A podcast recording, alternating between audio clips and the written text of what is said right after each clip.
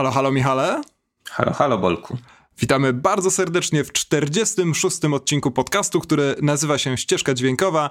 Wyjątkowo, bo to już 2019 rok, nagrywanym w Los Angeles wśród budynków, z których z jakiegoś powodu bucha ogień. Tak, wciąż nie mamy latających deskorolek, ale mamy już latające samochody.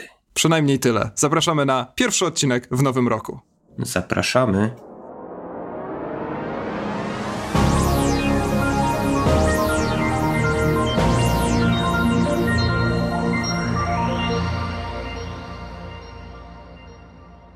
Mamy rok 2019. Nie wiem, czy zdążyłeś się zorientować. Ja jestem zadowolony, że dotrwaliśmy do 2019 i że podcast dotarł, e, dotrwał, bo zaczynał się chyba w 2016. Także no kolejny kamień milowy w historii tego podcastu. Niedługo 50 odcinek. No, prawda, idzie to sobie powoli, ale do przodu. Okrągła trzecia rocznica, tak? Ale my tu jeszcze o 2018 chyba trochę porozmawiamy, no bo jako, że nagrywamy po upływie kilku dni stycznia raptem 2019 roku, to jeszcze takich premier mocnych z 2019 chyba nie mamy do omówienia.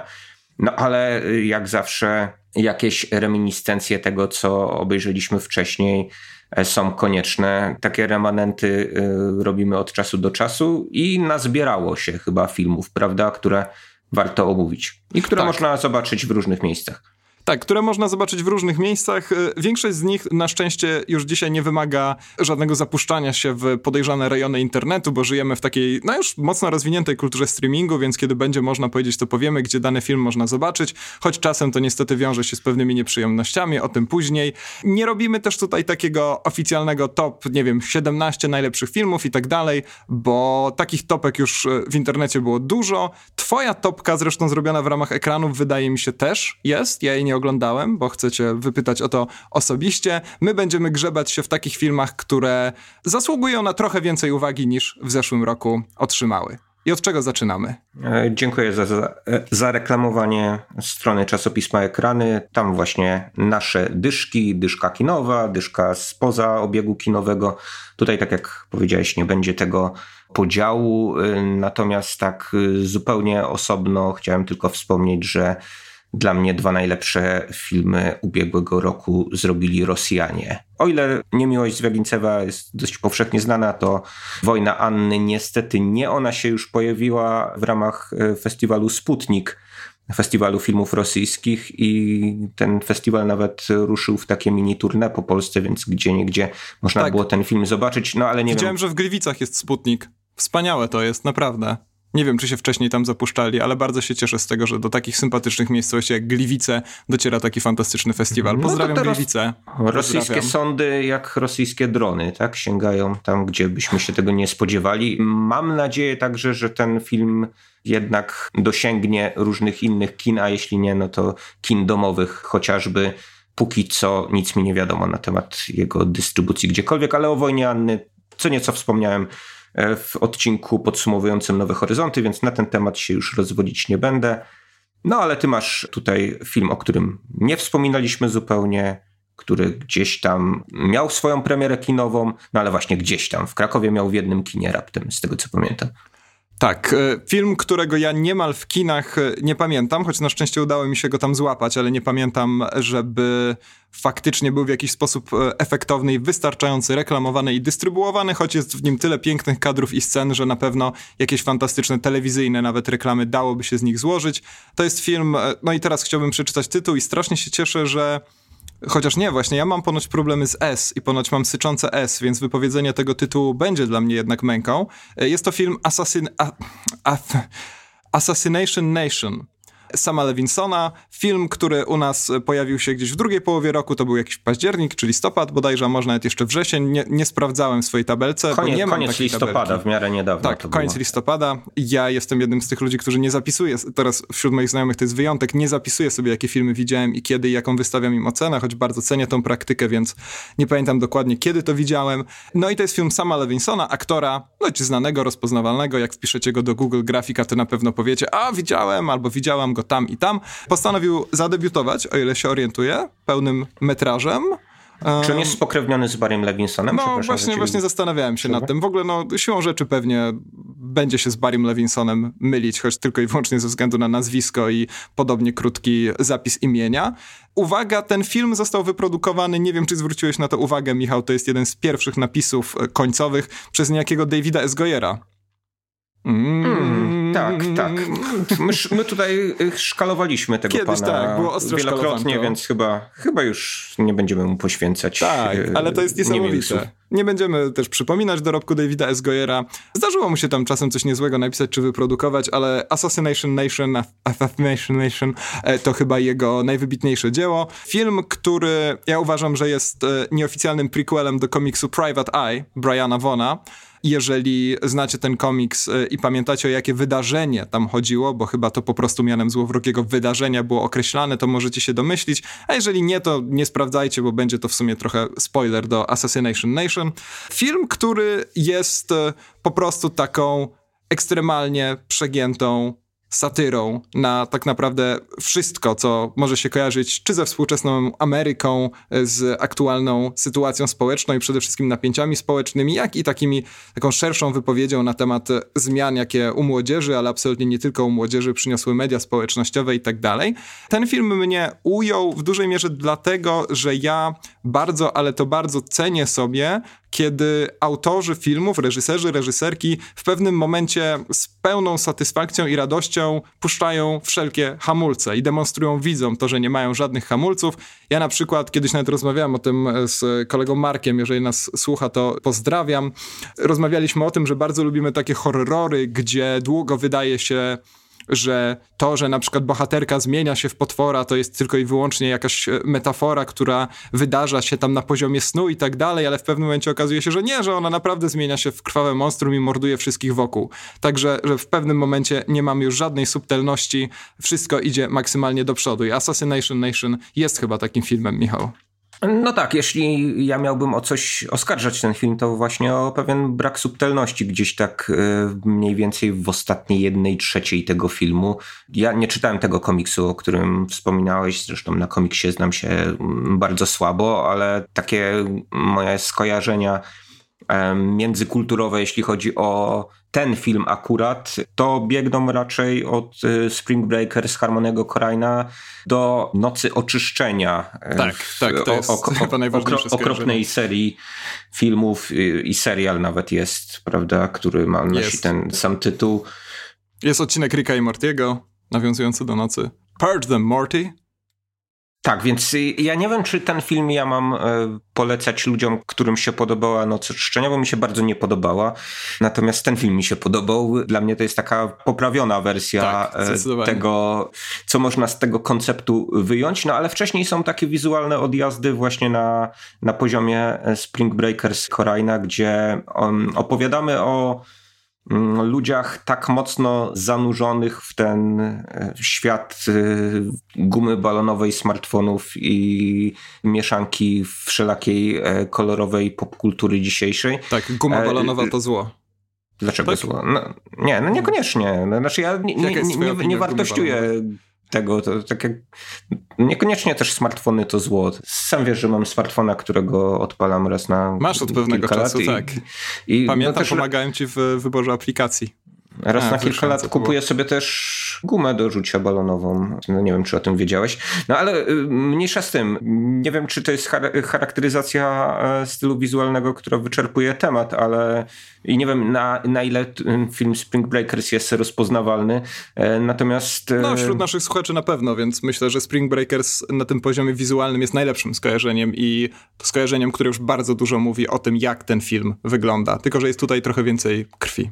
Mm, właśnie, żeby sięgnąć, sięgnąć może po bardziej, e, bardziej wyszukane przymiotniki do takiego kina, to pisało się swego czasu o neonowym kinie o, z tak, właśnie Nikolasa Windinga Refna i no i mniej, no właśnie e, Spring Breakers Harmonego Korejna też tam pasowało. Więc to jest taki film, który idealnie jakby korzysta z takiej fluorescencyjnej palety barw, z różnych ruchów kamery zarezerwowanych głównie dla myślę teledysków i reklam. No ale nie wiem, chyba opowiada coś więcej też o o współczesnym świecie, czy nie? Czy, tak, czy, tak, czy... tak. On opowiada bardzo dużo o tym współczesnym świecie, być może momentami za dużo i są tam takie fragmenty, gdzie nawet mnie ten brak subtelności raził. To jest przede wszystkim zupełnie, zupełnie, zupełnie ostatnia scena tego filmu.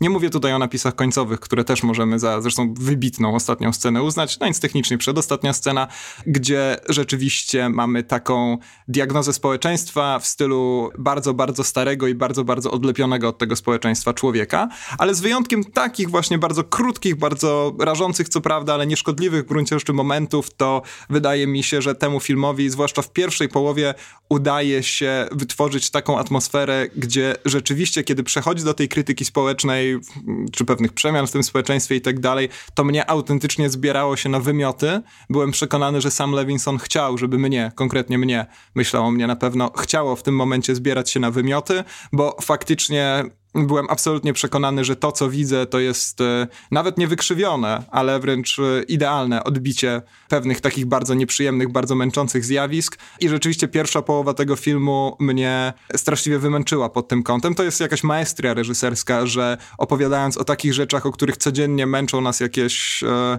niezbyt lotne gazety i tak dalej, o tym, że pokolenie takie, pokolenie takie, wszyscy są zepsuci, nie ma prywatności i tak dalej.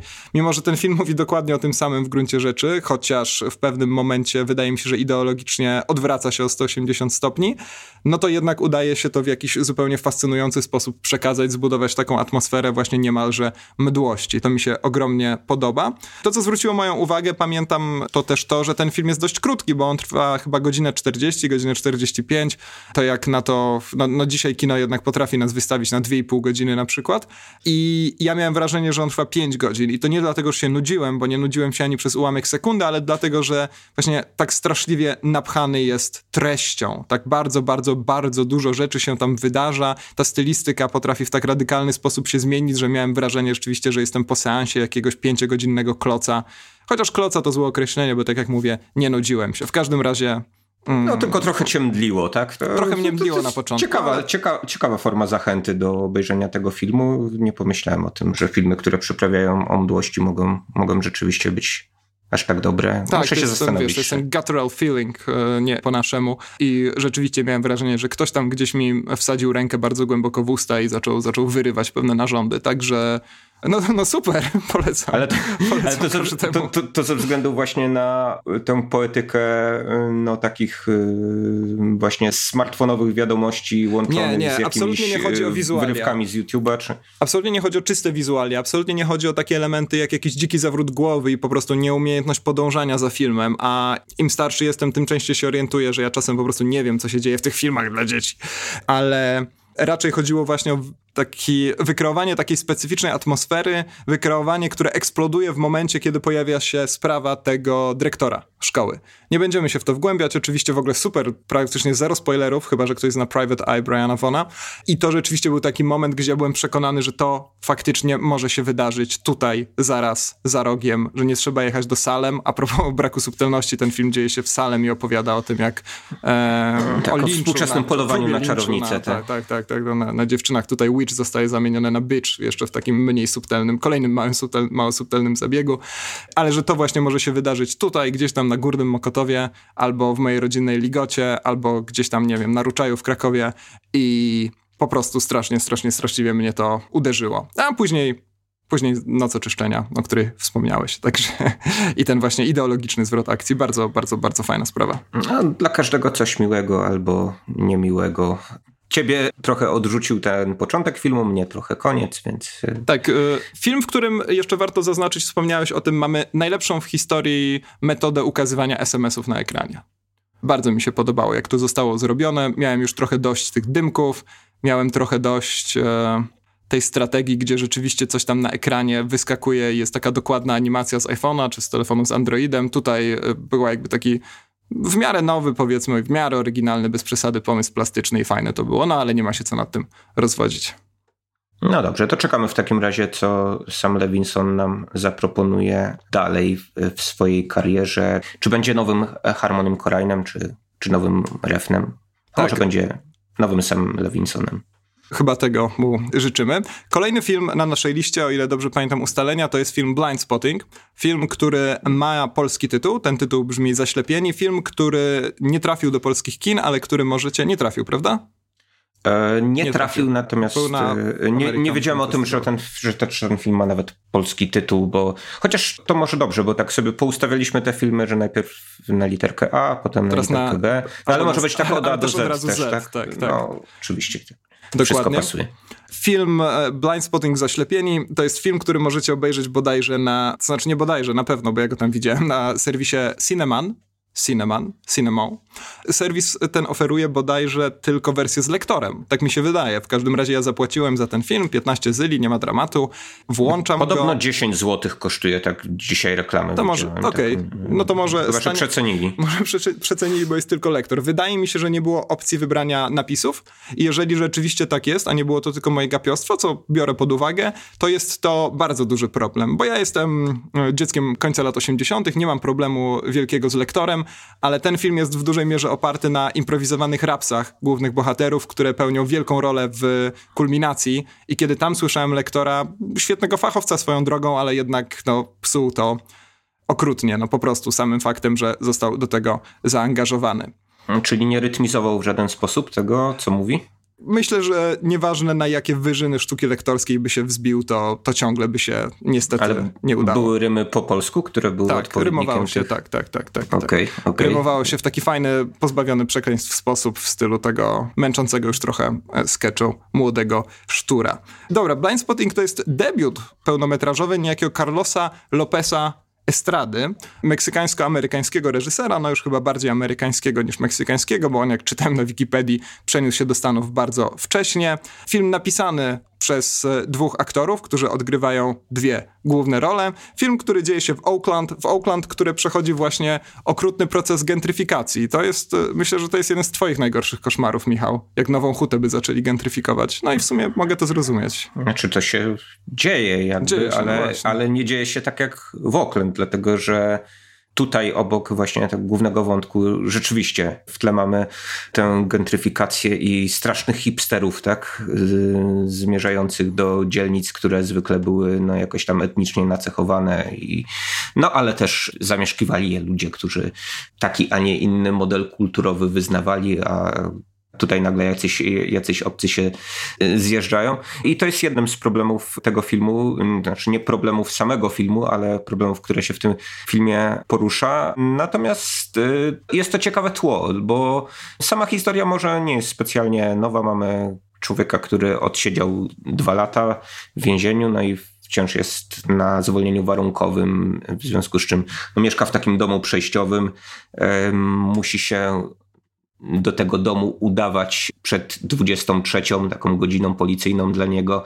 E, no i podlega różnym obostrzeniom właśnie tego, e, tego wyroku, a no jednocześnie jakoś, jakoś to stare środowisko go zaczyna wciągać, w tym, w tym jego kolega, który go trochę na taką złą drogę zepchnął.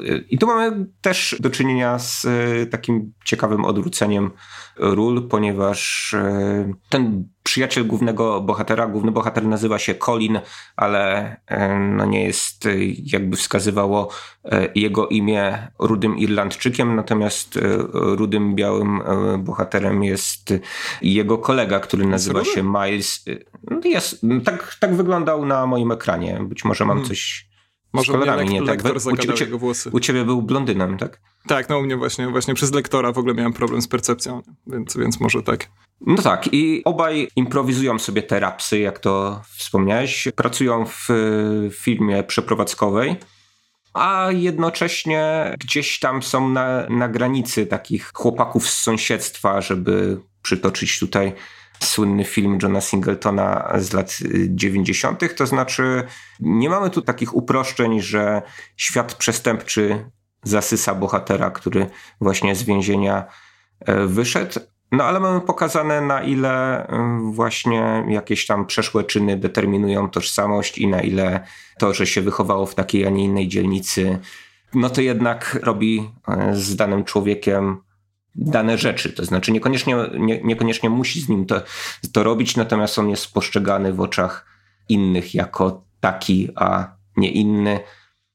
No i ten tytuł Blind Spotting do tego właśnie nawiązuje no chyba nie powinien być prze, przełożony tak naprawdę, bo nie ma jakiegoś takiego dobrego odpowiednika tego. Nie, nie, no tam chodzi właśnie a propos tej percepcji. Słowa. Tak, o, przepraszam, że ci wszedłem e, w słowo, ale a propos tej, tych problemów z percepcją, to tutaj chodzi właśnie o e, pewną niemożność e, bezpośredniego określenia tego, na co patrzymy. No i właśnie to chyba w tym filmie jest najmocniejsze, to o czym wspomniałeś, że on nie jest w żaden sposób czarno-biały, nie idzie w żadne uproszczenia, wręcz przeciwnie, on tworzy jakiś taki dziki kocioł, tak naprawdę, że zostaje się z szeregiem argumentów na każdą stronę, a to też nie są tylko dwie strony, tylko jakaś e, nieskończona liczba, e, więc no, no, słyszę, że chcesz. Tak, ja, tro ja trochę tak przedstawiłem ten film jako takie ciężkie kino społeczne, ale nie, właśnie... to jest super śmieszna komedia. Super dzięki tym rapowankom, nie tylko dzięki nim, ale dzięki też bardzo fajnie nakreślonym bohaterom drugo- i trzecioplanowym, no ten film ma jakąś taką bardzo fajną energię, której dawno w kinie nie widziałem. Jest jednocześnie właśnie bardzo lokalny, to Oakland jest bardzo tam ważne.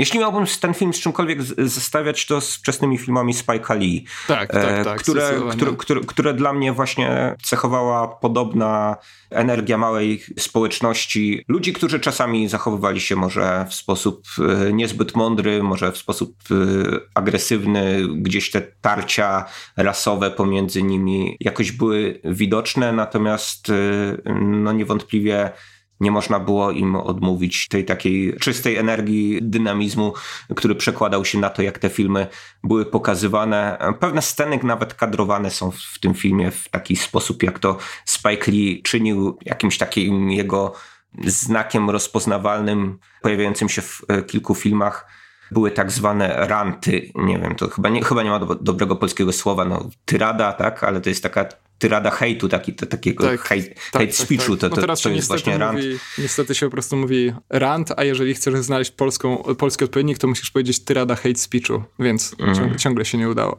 Okej, okay. i to było zarówno w filmie Rób co należy, gdzie mieliśmy taką właśnie mhm.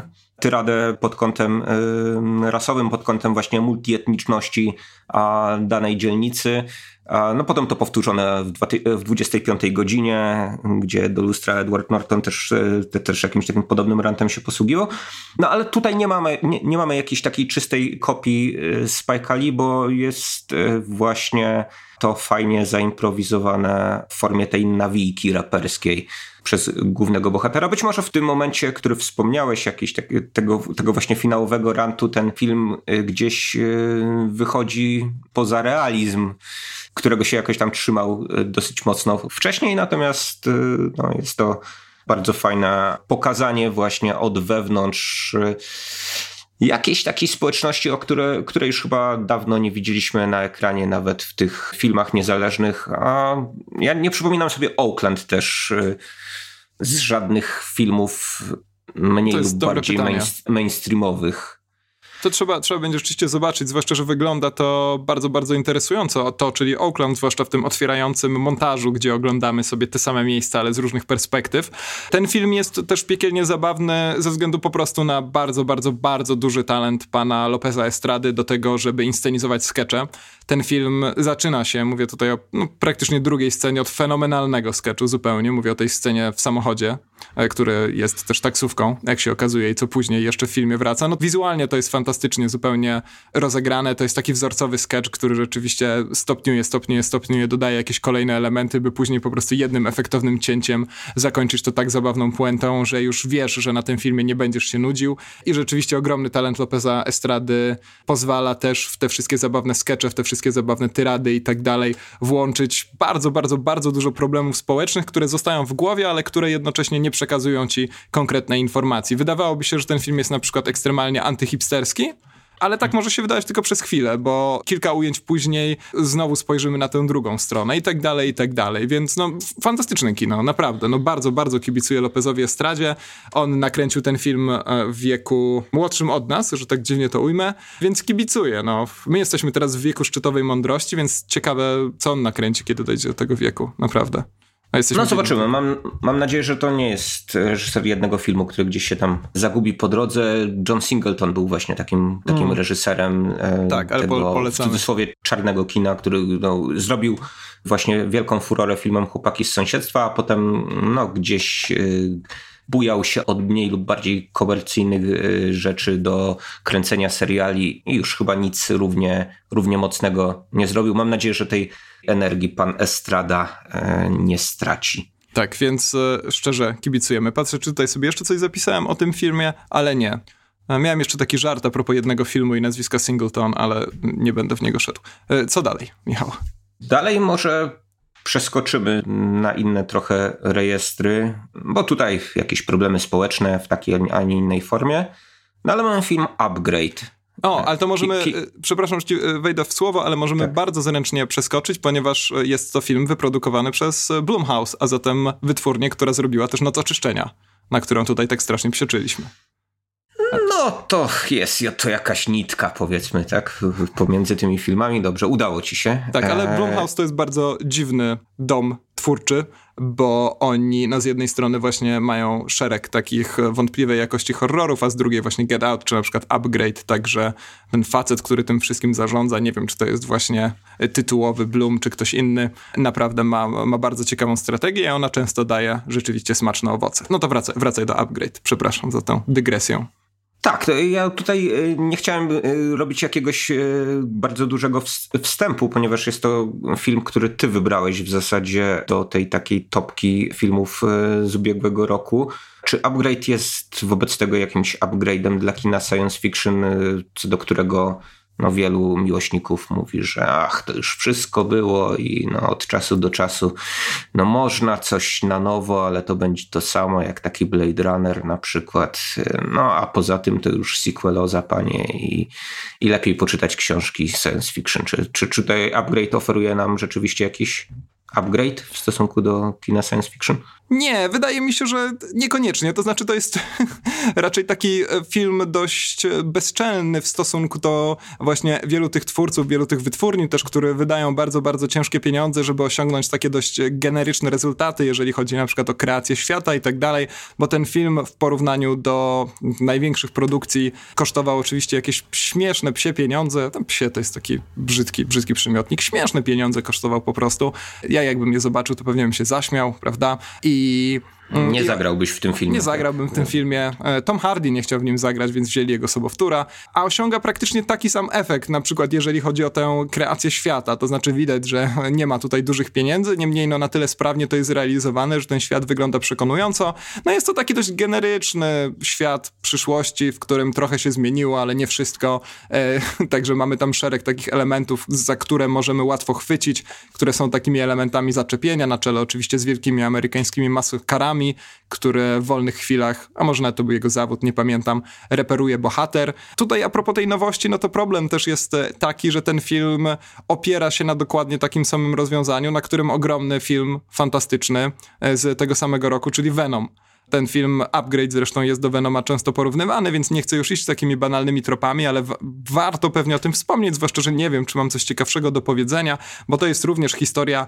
człowieka, który kontrolowany jest przez jakiś taki dziwaczny twór, w tym przypadku to jest twór e, mechaniczny, który no, przejmuje całkowicie w pewnych kluczowych momentach kontrolę nad jego ciałem, no i zajmuje się problemami, czyli głównie laniem przeciwników przeróżnej maści po mordach. No i upgrade tak naprawdę mm, po pierwsze rzeczywiście pokazuje, że można zrobić coś naprawdę niezłego za małe pieniądze, ale to samo w sobie nie jest zaletą, zdecydowanie. Zaletą jest to, że ten film jest według mnie nadzwyczaj sprawnie zrealizowany. On bardzo często posługuje się taką poetyką bardzo, bardzo, bardzo, bardzo, bardzo E, bardzo mocnej przesady. I to mi się podoba, to znaczy jest to film, który właściwie rozpoczyna się od takiego pierwszego aktu, rozpoczyna się od pierwszego aktu, to już coś, e, który jest e, niezwykle, ale to niezwykle ponury, depresyjny, przygnębiający i nie, nie dziwię się ludziom, którzy decydują się to wyłączyć, ale później zaczyna się już jakaś taka dzika jazda.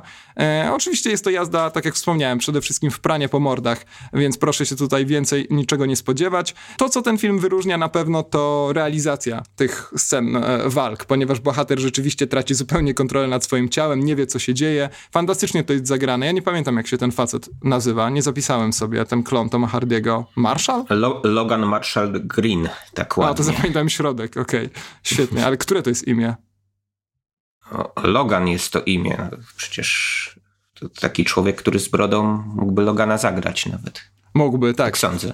Mógłby też zagrać w Bane'a albo w, albo w Dunkierce i tak dalej, no ale to, że jest podobny do Toma Hardiego, to też już jest dość zmęczony, wymęczony trop. No, w każdym razie znakomicie naprawdę gra człowieka, który pierze przeciwników talerzami po twarzy, mimo że tak naprawdę zupełnie nie wie, o co w tym wszystkim chodzi. Dodatkowo został tam zastosowany... Ja, przepraszam, tu się tu, tu się wetnę, bo dla mnie to jest, to było y, najpierw ciekawe, potem zabawne, potem trochę takie y, żenujące, bo ten człowiek mający zaszczepioną sztuczną inteligencję w rdzeniu kręgowym gdy ta sztuczna inteligencja przejmuje kontrolę nad jego ciałem, to zaczyna się ruszać jak robot taki. To jest bardzo ciekawe. Te, te, taki, no. taki, taki, robot z dyskoteki, bym powiedział, to znaczy. Tak, taki, taki mister robot. Sty, styl tańczenia, tak, który miał naśladować tego typu sztywne ruchy. Ja zastanawiam się, dlaczego tak, skoro ludzkie ciało jednak jest trochę bardziej elastyczne i sztuczna inteligencja nie musi chyba zamieniać tego człowieka, który jednak może, może kopać z półobrotu i walić także sierpowymi. A no, tak, nie tak, musi tak, tylko kopać, kopać prostymi, tak. No, znaczy jest to, jest to, jest, jest to trochę, trochę zabawne, a trochę jednak pójście na łatwiznę i ten film oskarżałbym o taką, o taką łatwiznę w wielu, w wielu pomysłach, które, które są fajne przez moment, a, a potem, potem mogą drażnić. Tak, ten film a propos tych robocich ruchów równie dobrze mógłby się alternatywnie nazywać Masakra na dyskotece. Ja się z tobą zgadzam i tutaj chcę zauważyć też, że Upgrade został e, przeze mnie wpisany na tę listę raczej w takiej kategorii, w której mam jeszcze jeden film produkcji, z którymi warto się zapoznać, jeżeli lubicie pewne e, bardzo specyficzne rzeczy w kinie. Niemniej, no rzeczywiście nie jest to absolutnie film pozbawiony wad, nie jest to ten poziom co Affirmative Nathan czy Blind Spotting. Niemniej uważam Upgrade za ciekawy eksperyment, który według mnie jednak przez zdecydowaną większość część czasu jest eksperymentem udanym. No jest to niewątpliwie upgrade do Venoma, tak? To znaczy, y, jeśli chodzi o jakość filmu, to. Yy, a jeszcze, jeśli mielibyśmy to przyrównywać do nakładów, jakie zostały poniesione na, te, na ten film, no to, to jest to, jest to kilka poprzeczek wyżej, więc jeżeli Venom wam się nie podobał, a jednocześnie y, poszukujecie filmu, w którym człowiek zostaje przeistoczony w coś pomiędzy człowiekiem a inną formą życia. Jednocześnie pierze po twarzach różnych panów mniej lub bardziej złych i jednocześnie rozmawia z samym sobą, a to coś w nim często posługuje się pierwszą osobą liczby mnogiej. Mówi, że my coś tak, tam specyficzny gatunek i tak filmowy. dalej. E, to Jeżeli to, to wasze taki, ulubione filmy, taki, tak. taki film. E, Jeżeli taki, tylko takie taki oglądacie. Film. No, no, tak, tak. Także taka ciekawa Venom Exploitation. Tak. Tak, tak, tak. No, zwłaszcza, że na Venom na pewno, to już wiemy, doczeka się sequela, więc a, być może rzeczywiście wytworzy się z tego jakiś szerszy nurt. Nie, nie wiem, czy Upgrade może doczekać się z sequela, czy mamy jakieś słowo wyższe od Upgrade, taki up, Upgrade jeszcze. Nie, nie. nie wiem. Myślę, myślę, że tego nie wymyślimy tak na poczekaniu, a nawet po trzech latach. Wspomniałem na początku, że będziemy w tym odcinku zajmować się takimi remanentami roku 2018, ale ja bardzo chciałbym sięgnąć po jeden film z 2017 roku, e, którego no nie było okazji omówić i chyba nie pojawi się taka szybko, ponieważ mamy do czynienia z bardzo ciekawą, ale rzadko spotykaną mieszanką dwóch e, gatunków filmowych, mianowicie kina sztuk walki i kina więziennego. Chodzi mi o film A Prayer Before Dawn. Z tego co wiem, ten film nie ma polskiego tytułu i też e, nie jestem pewien, czy i w, w jakich ewentualnie serwisach VOD można e, go obejrzeć. No, wielka szkoda, ponieważ no, trochę już od premiery tego filmu minęło i odtwórca głównej roli, który nazywa się tak jak niegdysiejszy prawy obrońca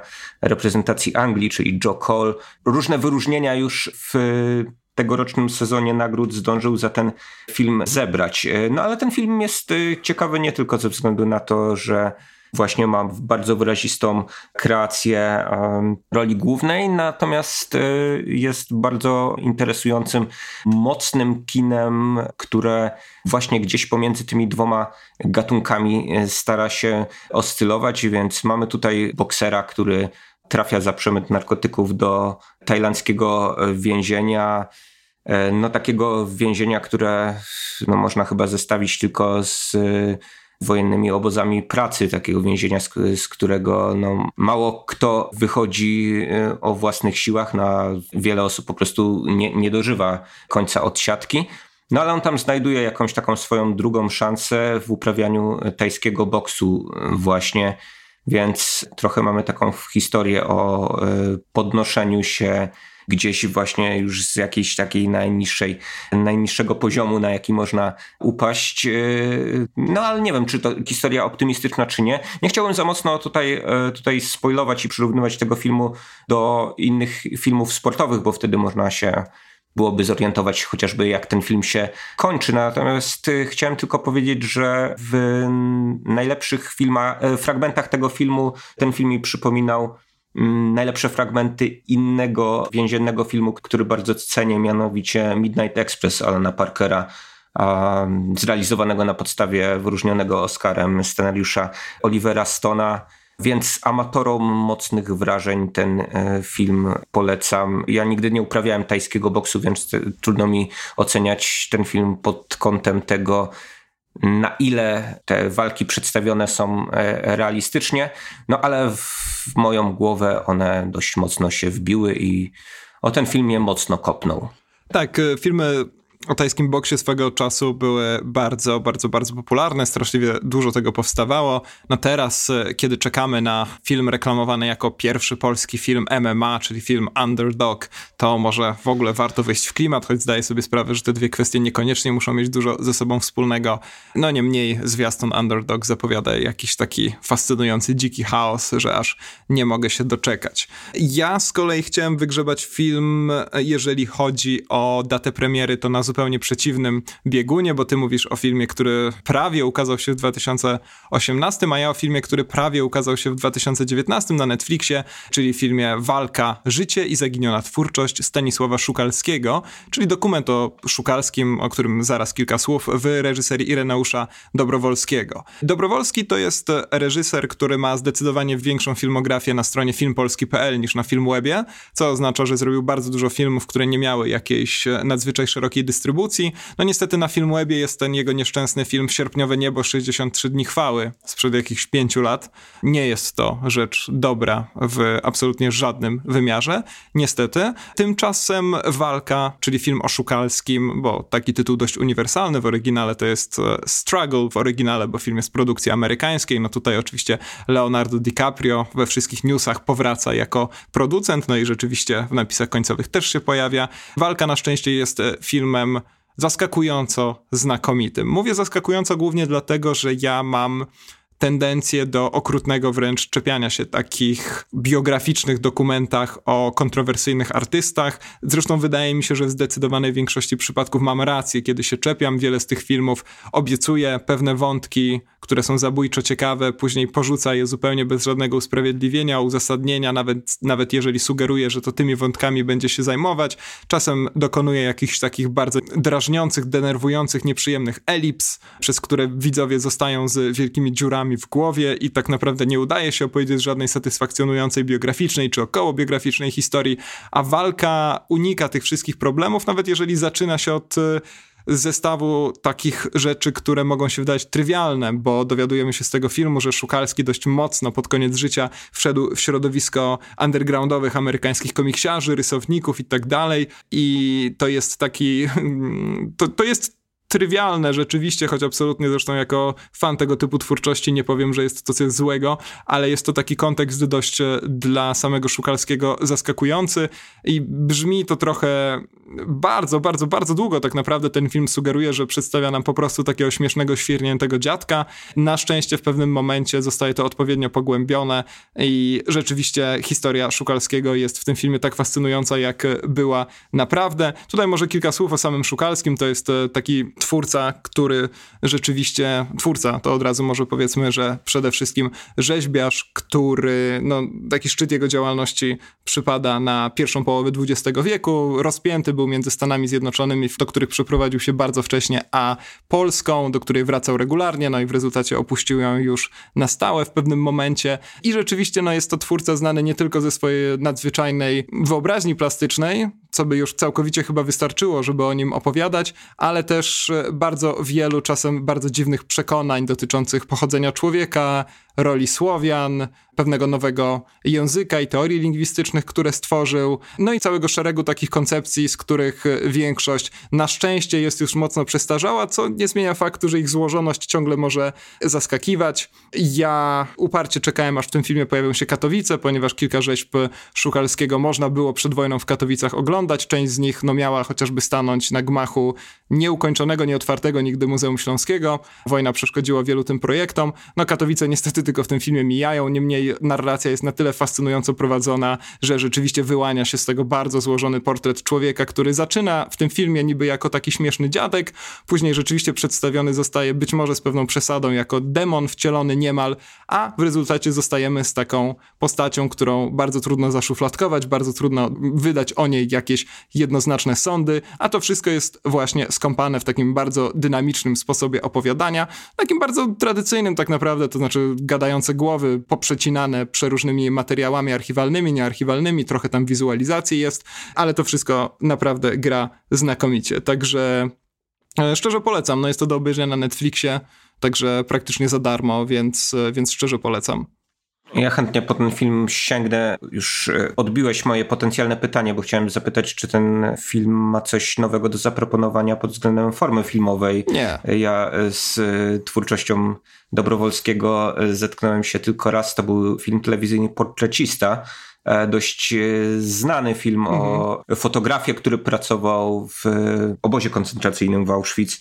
Był zmuszony do wykonywania właśnie portretów przyjmowanych tam osób. E, tamten film oddziaływał bardzo mocno ze względu na to także, że posługiwał się taką właśnie bardzo minimalistyczną formułą człowieka opowiadającego o, o tej swojej dość strasznej pracy do kamery, więc no więc właśnie zastanawiam się, czy, czy tutaj Dobrowolski postanowił no, w jakąś tam trochę inną stronę pójść z racji tego, że, że o innym temacie mówi. Tak, no też nie musiał, bo ma to ogromne szczęście, że jeden z bohaterów tego filmu, taki bliski przyjaciel Dobrowolskiego, gdzieś tam w ostatnich latach, e, przepraszam, nie Dobrowolskiego, tylko Szukalskiego, gdzieś tam w ostatnich życiach, latach życia, e, ale się mylę, artysty, no zresztą wystarczy trochę popatrzeć na rzeźby Szukalskiego, już, już zaczyna się język plątać, nagrał po prostu bardzo dużo wypowiedzi Szukalskiego, po prostu postawił przed nim kamerę i kazał Szukalskiemu opowiadać o swoim życiu, życiu, o swoich poglądach, o swoich e, przekonaniach i wizjach tego, co nadejdzie, także no w dużej mierze ten film to są po prostu te nagrania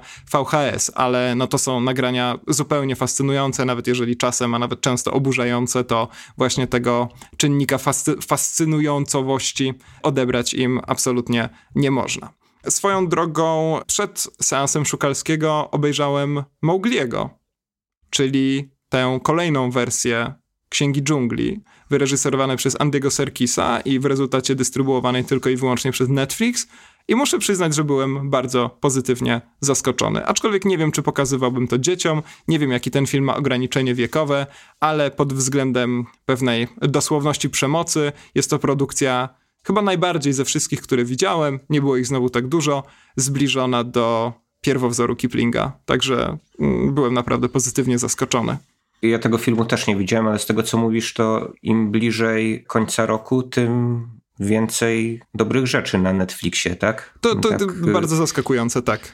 Bo tak na początku roku trochę, trochę pomstowaliśmy na to, że Netflix idzie w ilość, produkują różne dziwne rzeczy bez jakiejś takiej specjalnej kontroli producenckiej tego właśnie, co, co robią, co, co finansują, ale okazuje się, że być może właśnie to jest jakaś metoda, że przynajmniej w tej nadprodukcji jakieś pojedyncze takie perełki przetrwają.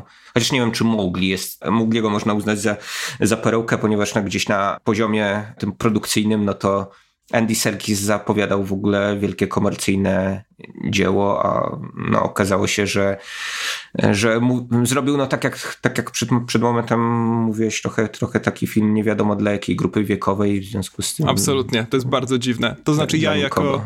Tak, ja jako miłośnik tej pierwotnej Księgi Dżungli której nie czytałem już od bardzo dawna, ale kiedy byłem mały, to czytałem, czy mnie czytano ją wielokrotnie. Byłem usatysfakcjonowany rzeczywiście, choć no nie jest to film bez wad, jak na pieniądze, które w niego poszły, to sprawia wrażenie takiego zaskakująco i nieprzyjemnie wręcz kameralnego, zwłaszcza w porównaniu do tej produkcji Disneya, która jest jednak pod każdym niemalże kątem, oprócz tego właśnie od filmu Serkisa, wydaje mi się gorsza.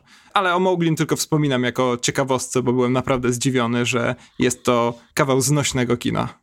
Tak, ale dobrze, że to wywołałeś, dlatego że ja tak e, chciałem na chwilę uciec od tych filmów, e, żeby dokonać jakiejś takiej, no nie chciałbym powiedzieć defetystycznej, ale jednak chyba dosyć e, smutnej konstatacji, że właśnie tego typu kino już chyba wkrótce będziemy mieli tylko od Disneya. Wszelkie możliwe adaptacje klasycznych opowieści, mniej lub bardziej familijnych, czy opowieści, w których y, głównymi bohaterami są młodzi bohaterowie, no to wkrótce będziemy mieli tylko od tego, od tego molocha, który zaczyna przeradzać się w jakąś taką bardzo złowieszczą korporację produkującą wszystko opatrzone tą etykietką PG-13 i wszystko pod kątem czegoś, co się już sprawdziło, zróbmy to jeszcze raz, jeśli było to w formie animowanej, to zróbmy to w formie fabuły, albo zróbmy to w formie sequela do tej animacji, czy nie wiem, czy równie pesymistycznie widzisz to, co się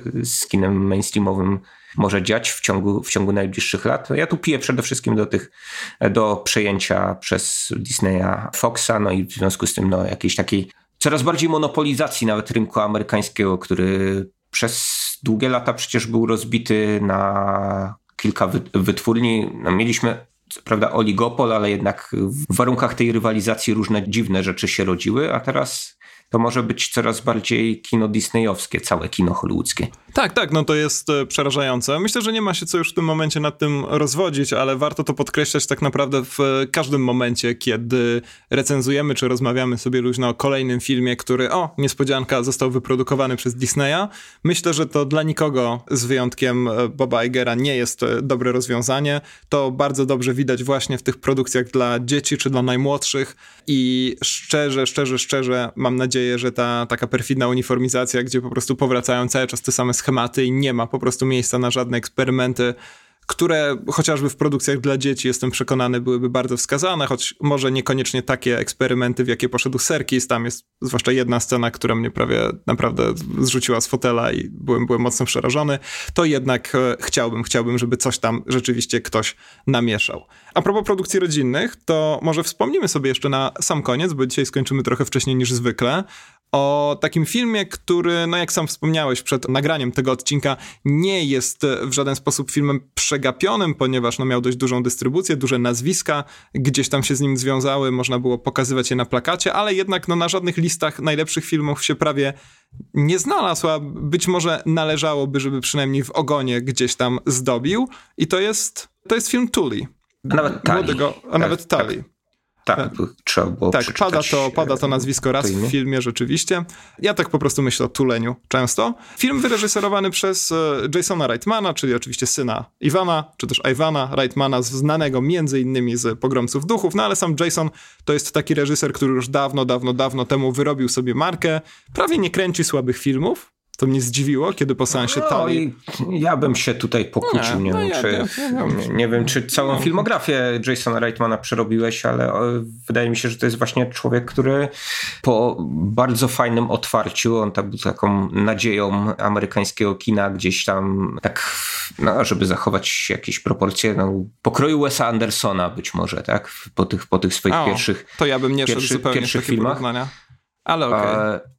Ale nie chodzi mi o kwestie, kwestie, kwestie formalne. Chodzi mi o to, że no, mieliśmy kilku, kilku takich reżyserów, którzy. Um... Nie, nie, ciągle. Wydawało, mnie, mnie się wydaje, że Reitman nigdy nie miał jakiegoś takiego nadzwyczaj rozpoznawalnego stylu. Że po prostu był dobrym rzemieślnikiem, ale no to pewnie wynika z jakiejś różnicy wrażliwości.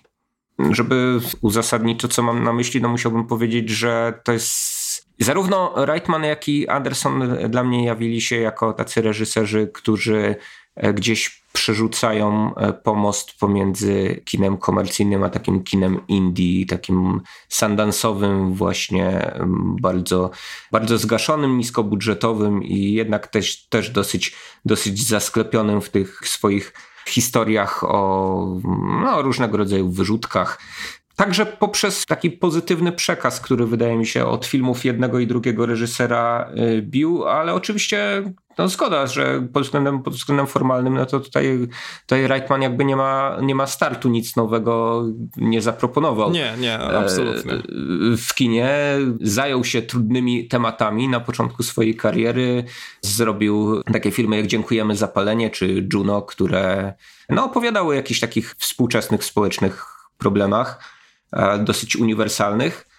No natomiast e, Zrobił też y, kilka filmów, y, no moim zdaniem, bardzo słabych, takich jak, jak chociażby film Długi Wrześniowy Weekend, Labor Day w oryginale z Kate No to muszę, no, ale dobra, muszę nie przyznać, będziemy... że przegapiłem to, przegapiłem ten jego serial, ale lubię też na przykład w Chmurach. Także tak czy owak rzeczywiście, no nie będziemy tu o filmografii Reitmana rozmawiać. Tali to jest, mm, Tali, tak, teraz znowu chciałem poprawić się na Tuli. E, Tali to jest film, w którym mm, Charlie Steron odgrywa bardzo, ale to bardzo zmęczoną życiem, mężem i dziećmi. Nie, nie nie nianię, przepraszam, tylko matkę, do której właśnie przychodzi niania. I niania nie jest zwykłą nianią, bo jest nocną nianią, to jest taka specjalna, nowa funkcja, którą pełnią dziewczyny, które no po prostu lubią spać w dzień, a w nocy opiekować się dziećmi i dzięki temu matki biologiczne, niebiologiczne, w każdym razie te właściwe, mogą się wyspać. No i całość jest e, taką bardzo w gruncie rzeczy ponuro opowiedzianą opowieścią. Tam jest zaskakująco mało komicznych przeciwników, przeciwników, Boże, przerywników, przepraszam najmocniej. Właściwie nawet trudno tu mówić o jakiejś czarnej czy ponurej komedii, tego tam praktycznie nie ma. Miejscami to nawet zmienia się w taki dość nieprzyjemny telewizyjny i mówię to pejoratywnie, zupełnie szczerze, dramat. Niemniej całość rzeczywiście składa się na taki, myślę, że poruszający portret kobiety, która jest no po prostu ekstremalnie zmęczona obowiązkami, które tak naprawdę ogromna, ogromna, ogromna liczba kobiet na świecie wykonuje codziennie i być może wielu z nas po prostu nie przychodzi do głowy, cóż tam za tym wszystkim się kryje, a jednocześnie zmaga się tytułowa bohaterka też po prostu z oczekiwaniami, które sama sobie narzuca, oczekiwaniami kulturowymi, oczekiwaniami społeczeństwa i najbliższego otoczenia, no i oczekiwaniami, z którymi po prostu tak naprawdę zmierzyć się tak, by wyjść z tego starcia zwycięsko się nie sposób. Także bardzo ładna produkcja, byłem bardzo szczerze zaskoczony, zwłaszcza, że kiedy ten film był w kinach, to z pełną świadomością go zignorowałem, a kiedy pojawił się na HBO Go, to postanowiłem dać mu szansę. Pełna zgoda z tym, że bycie matką jest jednym z najbardziej wymagających zawodów świata i tutaj zaskakująco mało powściąga swoje lejce. Reitman nie, nie, nie stara się właśnie przykroić tego portretu no, do takich właśnie feel good movies amerykańskich, w których no co prawda jakieś tam przeciwności losu spotykają bohaterów, ale przecież wiadomo, że wszystko będzie dobrze i, no i gdzieś tam właśnie tak jak, tak jak powiedziałeś muszą te, te żarciki się pojawić. Ja chciałem tylko jeszcze zwrócić uwagę na to, że Charlize Theron w roli głównej jest fenomenalna i dwie najlepsze kreacje w ogóle w karierze Charlize Theron e, moim nieskromnym zdaniem to są właśnie kreacje u Jasona Reitmana wcześniej w kobiecie na skraju dojrzałości, a tak, teraz w talii. Tak, tak, tak. Też Więc wyciąga ja z niej coś niesamowitego. Zupełna, zupełna racja. No i, i vice versa. Być może ona z Jasona Reitmana też wyciąga to, co najlepsze, bo dla mnie to też naj, dwa najlepsze filmy e, Reitmana, więc życzyłbym sobie, żeby po prostu ten duet ze sobą współpracował jak najczęściej. Może to jest recepta na to, że, że, że, że Reitman gdzieś do poziomu Wesa Andersona doskoczy. A my sobie życzymy, żebyście w komentarzach na Facebooku najlepiej, bo myślę, że tam najłatwiej się komunikować. Wypisali jeszcze jakieś filmy, które zostały niesłusznie przegapione w 2018 roku. Jeżeli chodzi o listy przeróżne, no to odsyłamy chociażby do listy Michała. Ja wrzuciłem na facebookowego fanpage'a też na przykład bardzo ciekawą listę film comment, gdzie na pierwszym miejscu jest chyba y, Zama, Lucrecji Martel, a zatem film, o którym też opowiadaliśmy w naszym chyba odcinku nowohoryzontowym. Także tam znajdziecie same ciekawe rzeczy, a mamy nadzieję, taką dyskretną, że i tutaj coś znaleźliście. To co, Michał? Kończymy. Kończymy. Życzymy samych dobrych filmów w 2019 roku, samych dobrych wyborów, więc szukajcie w różnych miejscach dobrych produkcji na Netflixie, poza nim, nie tylko w kinach, no i nie tylko od Disneya. Tak. Żyjemy we coraz lepszej kulturze streamingu, naprawdę. Strasznie mnie to ekscytuje. Dziękujemy bardzo i papa. Sayonara żółwie.